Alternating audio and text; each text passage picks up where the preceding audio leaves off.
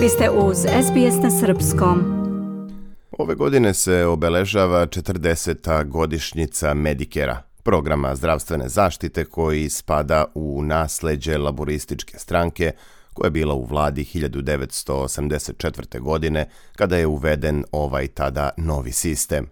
Cilj je bio da se zdravstvena zaštita učini što jednostavnijom, jeftinijom i pravednijom – Medicare je univerzalni program zdravstvenog osiguranja koji omogućava svim Australijancima kao i vlasnicima pojedinih viza pristup nizu zdravstvenih i bolničkih usluga besplatno ili uz niske naknade.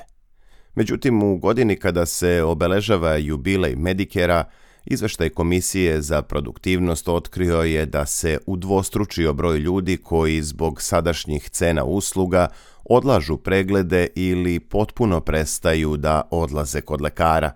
Za samo godinu dana stopa je sa 3,5% porasla na 7% građana koji manje ili uopšte više ne odlaze kod lekara.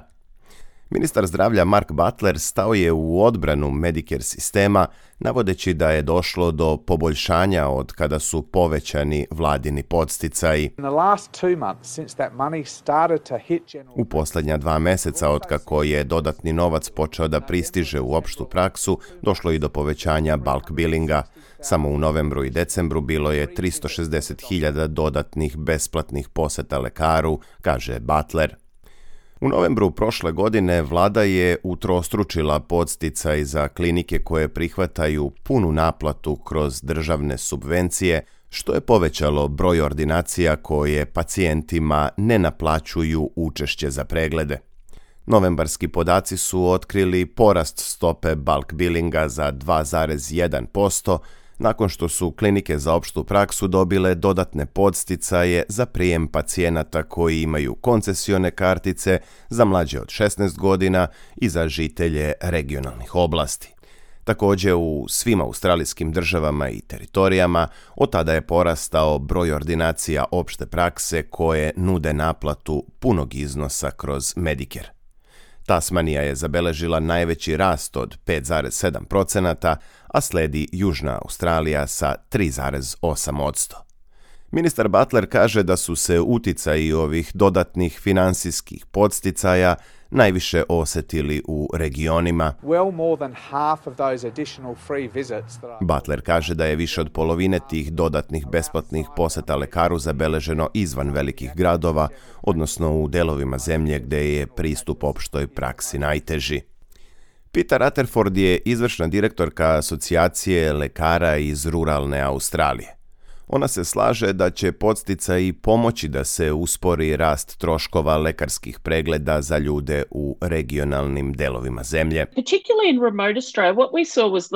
Rutherford kaže da se posebno u zabačenim delovima Australije uočavaju najveće stope naplate bulk billinga, ali isto tako i najveći procenat troškova pacijenata – Ona je naglasila da je neophodan balans i više subvencija i podrške kako bi se osiguralo da će ordinacije opšte prakse moći da nastave s radom.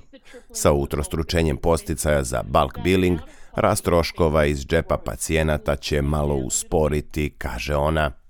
Prema podacima Australijskog kraljevskog koleđa lekara opšte prakse, godišnje stope naplate punog iznosa pregleda kroz subvencije pale su u avgustu prošle godine na najniži decenijski nivo i to usled pojačanog pritiska troškova života.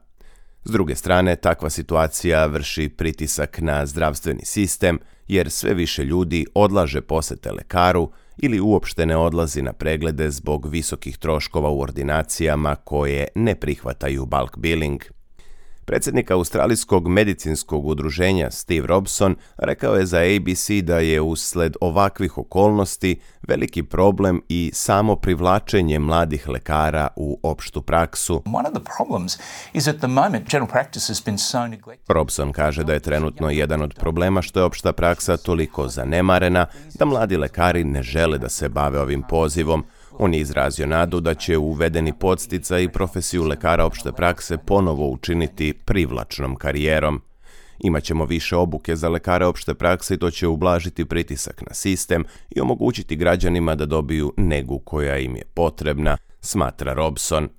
Ali zamenik lidera opozicije Susan Lee kritikovala je odluku savezne vlade da uloži više sredstava u Medicare. Ona kaže da bi rešavanje krize troškova života bio efikasniji put za dostupnost zdravstvene zaštite. If this government cared about your health costs, they would do something. Kada bi ova vlast zaista brinula o vašim zdravstvenim troškovima, uradila bi nešto po pitanju krize troškova života, kako bi australijanci mogli da priušte odlazak kod lekara, Razmislite samo o namirnicama, o cenama struje, osiguranja ili povratka dece u školu. Sve to čini krizu troškova života s kojom se suočavaju obični građani, istakla je Susan Lee, a zabeležile su Rebeka Kazmjerčak i Sara Tomevska iz informativne redakcije SBS-a. Slušate program na srpskom. Ja sam Branko Cvetojević. Ostanite uz nas. Želite da čujete još priča poput ove? Slušajte nas na Apple Podcast, Google Podcast, Spotify ili odakle god slušate podcast.